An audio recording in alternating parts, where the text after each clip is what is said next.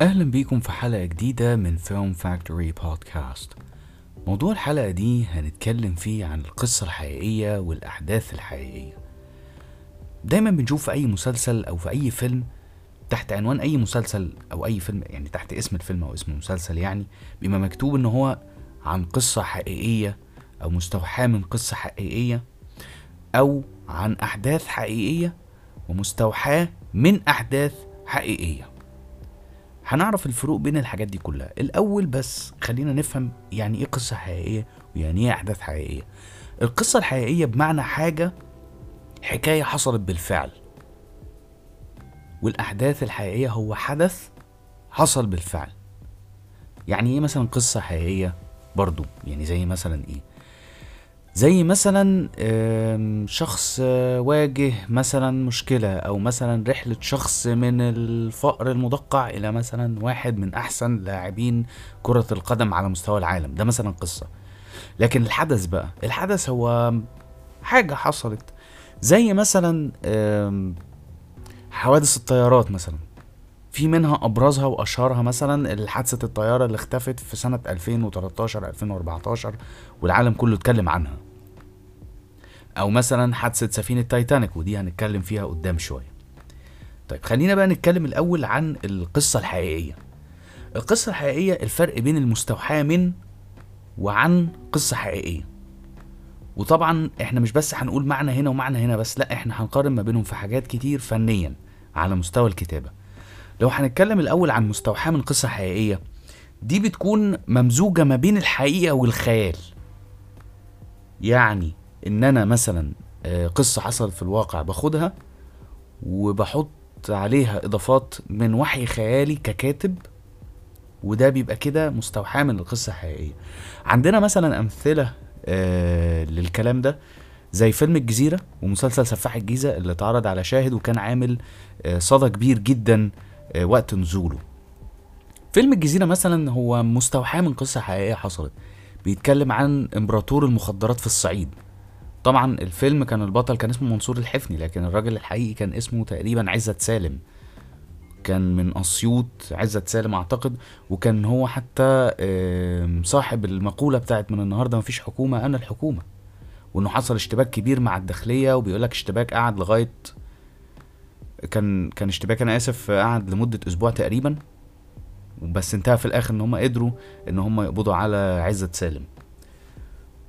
ولكن طبعا في كان بعض الاختلافات يعني من حيث آه، القصة الحقيقية وقصه الفيلم. يعني مثلا قصة الفيلم أضاف إن هو مثلا منصور الحفني كان على عداوة بعيلة النجايحة وعيلة النجايحة قتلوا مراته قتلوا أمه وكانوا عايزين يقتلوا ابنه.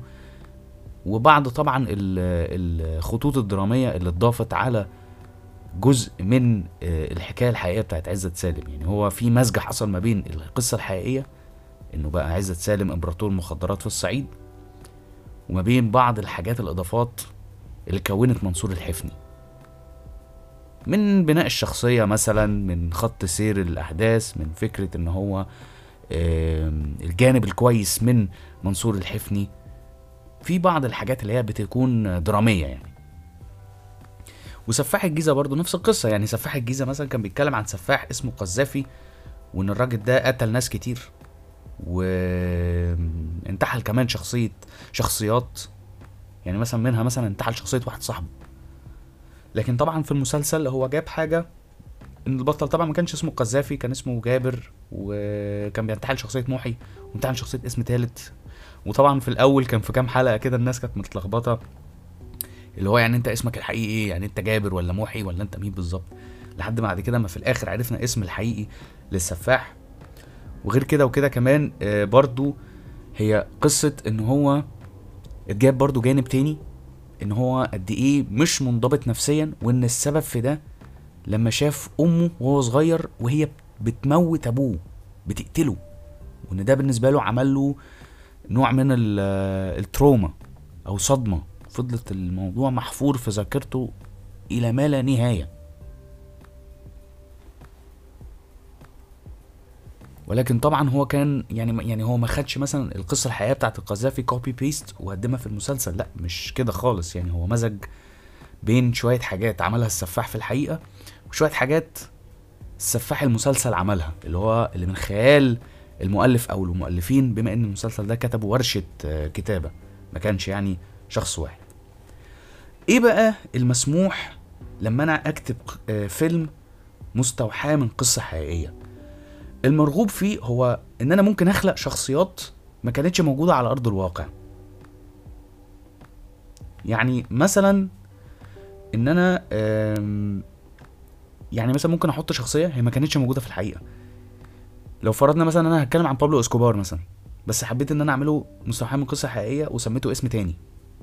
إن مثلا بابلو إسكوبار كان المساعد بتاعه مثلا أخوه وكان عنده مساعد واحد مثلا. طب أنا ممكن أعمل مثلا اللي هو من وحي الخيالي أنا إنه لأ كان ليه ثلاثة مساعدين أخوه واتنين مساعدين تانيين التاني ده يبقى ابن عمه مثلا والتالت صاحبه.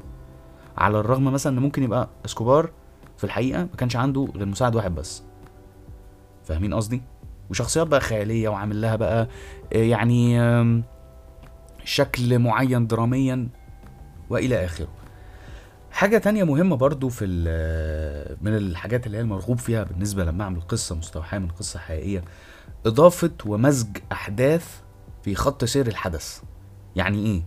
يعني أنا ممكن أحط يعني أم أجمع ما بين الأحداث اللي حصلت في الحقيقة والأحداث اللي من خيالي. أمزج بين ده وده.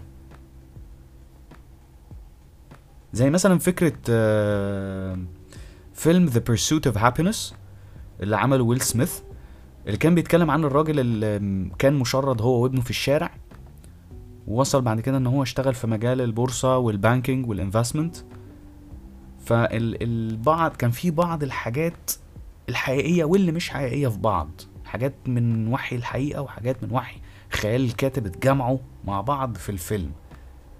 سواء بقى يعني يعني كان في منها حاجات رئيسية وحاجات فرعية. فممكن أعمل أحداث في خط الحدث بتاع العمل ممكن يبقى في منها خطوط فرعية وممكن تبقى خطوط جوه الخط الأساسي.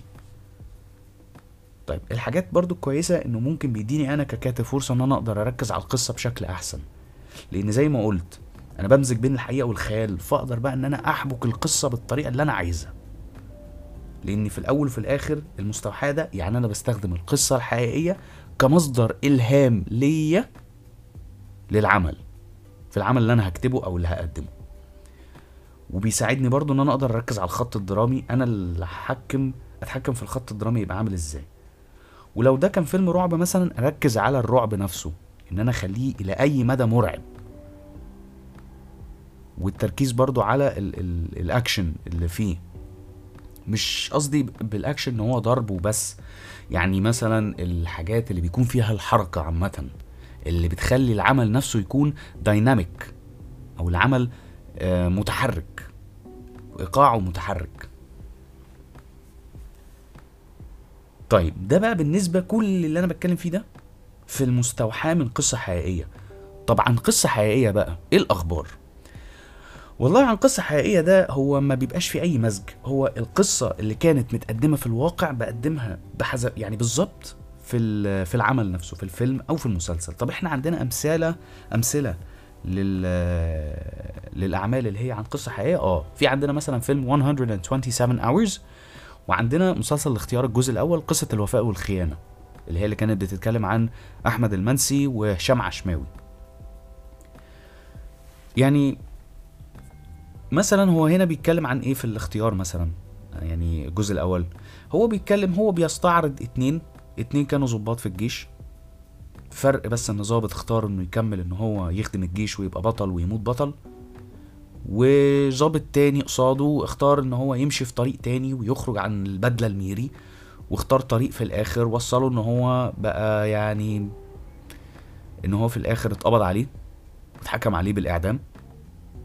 وصل لمرحلة إنه الناس ما بقتش بتحترمه. ومع. وإن هو كده اختار إنه يبقى خاين لبلده.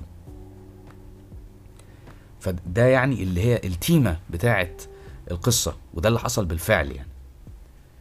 وعندنا 127 hours. فكرة شخص كان في يعني في رحلة مغامرة وكان بيسوق العجل بتاعه فوقع على صخرة بين جبلين. وفض ودراعه اتحشر في قلب الصخرة فضل محشور حوالي 127 ساعة تقريبا. وكان بي يعني قاعد بيحاول إن هو ينده على حد يع- يعني؟ عشان ينقذه يساعده. طب إيه بقى المرغوب في عمل زي عن قصة حقيقية؟ طبعا أنا مش هقدر ألعب في يعني في الأحداث قوي ومش هقدر إن أنا أحط حاجة خيالية. بس في حاجات تانية برضو أنا ممكن أعملها كمؤلف. اولا حرية اختيار أسلوب الحوار بما يتناسب مع المشهد. يعني ايا كان الحوار اللي مثلا اللي دار على الحقيقة بين الشخصيتين أنا ممكن أنا كمؤلف أكتبه بطريقتي أنا. بس إن المضمون بتاع الحوار إنه مثلا الحوار اللي كان داير ما بينهم كانوا بيتكلموا في كذا في موضوع معين قصدي. تاني حاجة حرية اختيار سياق الأحداث. يعني إيه؟ يعني أنا بختار أنا خط سير الأحداث هيمشي إزاي؟ وهبدأ منين؟ وأوصل والنص بتاعي هيبقى فين؟ وآخري فين؟ وأبدأ من أني جزء؟ يعني عادة في أفلام القصة الحقيقية في ناس ممكن تبدأ لو حاجة مثلا بايوبيك أو اللي هو بتكلم فيه عن قصة حياة شخصية معينة. في ممكن أبدأ من لحظة ميلاده وفي لأ ممكن أبدأ من آه، مثلا لحظة معينة. يعني مثلا اوبنهايمر مثلا. فيلم اوبنهايمر هو ما بدأش مثلا أول لما اتولد ولما دخل اتعلم مثلا في في المدرسة وإنه إزاي التقى بألبرت أينشتاين. وصلوا بعد كده لمرحلة إن هو كان واحد من المشاركين في بعض الأعمال العلمية بتاعته. ولكن هو بدأها من جزء من جزء إن هو لم إن هو إزاي اشتغل مع الجيش الأمريكي على المشروع بتاع المفاعل النووي اللي طوروه بعد كده وعملوا منه آه القنبلة النووية المشهورة اللي ضربت آه جزيرة هيروشيما وجزيرة ناكازاكي في اليابان وقت الحرب العالمية الثانية طيب عندنا برضو حرية حذف أو استثناء بعض التفاصيل والشخصيات من القصة الحقيقية. يعني في بعض مثلا يعني آه، الحاجات اللي حصلت في القصة الحقيقية في منها ممكن تبقى من وجهة نظر الكاتب إنه ملهاش أي إضافة مش هيبقى ليها أي إضافة أو ممكن ما يكونش ليها أهمية. أو يعني إنها هتكون بزيادة. فالمؤلف له الحرية إنه ممكن يشيل الأجزاء دي من من العمل طالما مش هتضيف أي حاجة أو مش هتكون مهمة. طيب ده بقى بالنسبة كده للقصة الحقيقية وعرفنا الفرق بين المستوحاة من القصة الحقيقية وعن القصة الحقيقية. طب الأحداث بقى الأحداث الحقيقية زي ما قلنا الأحداث الحقيقية م- في بداية الحلقة إن هي بتبقى حاجة حصلت بالفعل. زي مثلا حادثة عربية جريمة قتل مشهورة. يعني هو بيبقى التركيز على الحدث أكتر من شخصيات الحدث. خلاص؟ يعني هي ممكن تبقى حادثة كله عارفها إنه ده واحد قتل حد بس ما نعرفش أساميهم. على فكرة ده بقى ليه نوعين. المستوحاة من أحداث حقيقية وعن أحداث حقيقية. طب إيه الفرق بين ده وبين ده؟ أولا المستوحاة من الأحداث الحقيقية. أنا ممكن أستخدم حدث حصل من كم من مثلا من سنتين من ثلاث سنين من عشر سنين. يعني ال- القاعدة العامة في الاتنين. ممكن حدث حصل من قريب من بعيد من كام يوم من كام ساعة من من كام سنة من قرون. بستخدم مثلا الحدث ده في المستوحاة من بستخدم الحدث ده وببني عليه قصة خيالية بالكامل وابني عليه شخصيات خيالية تماما. طب إحنا عندنا مثلا أمثلة للنوع ده زي إيه مثلا؟ عندنا مثلا زي فيلم الإرهاب والكباب وفيلم اشتباك فيلم الإرهاب والكباب مثلا هو واخد حاجة حدث حقيقي.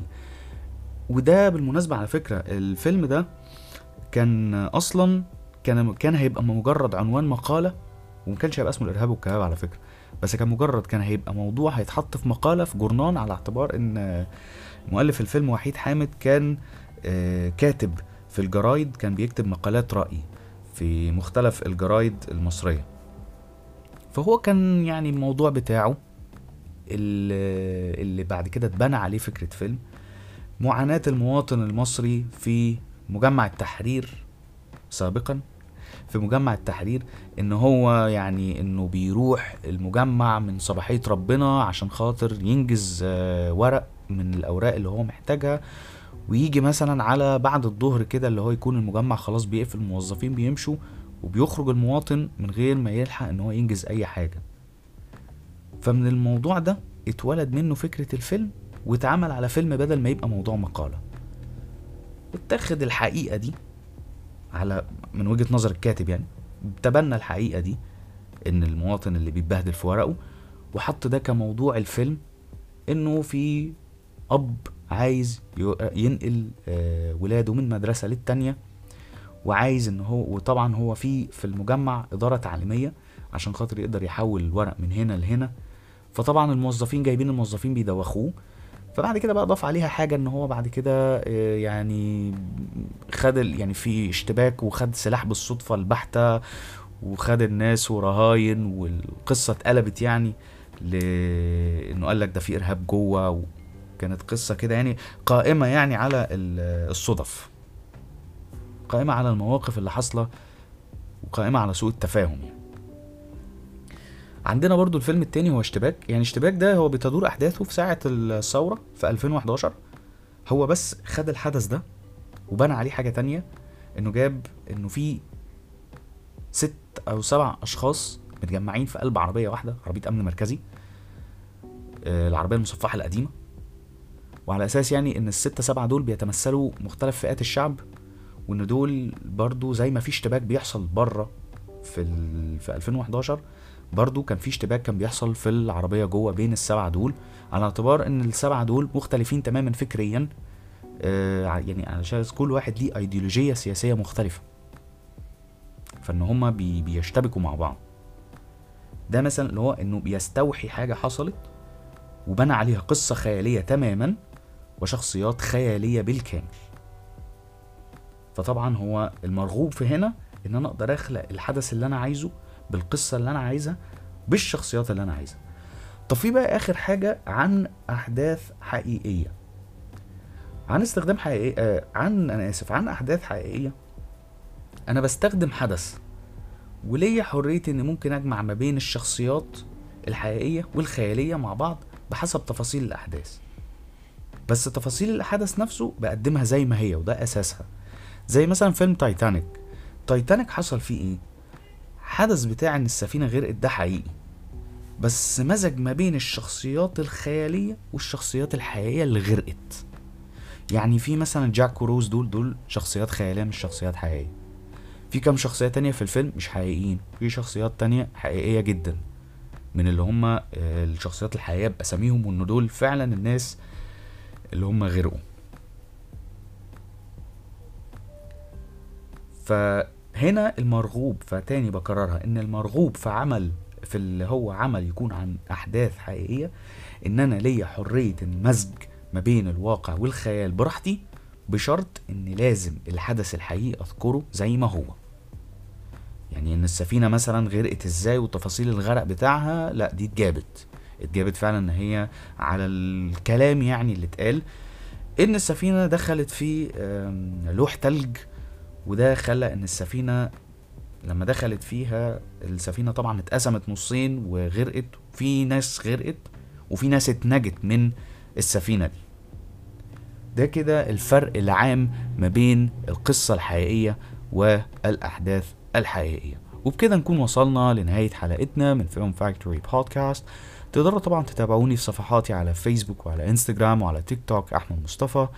أنا بشكركم شكرا جزيلا ونتقابل إن شاء الله في حلقة جديدة وموضوع جديد من فيلم فاكتوري بودكاست.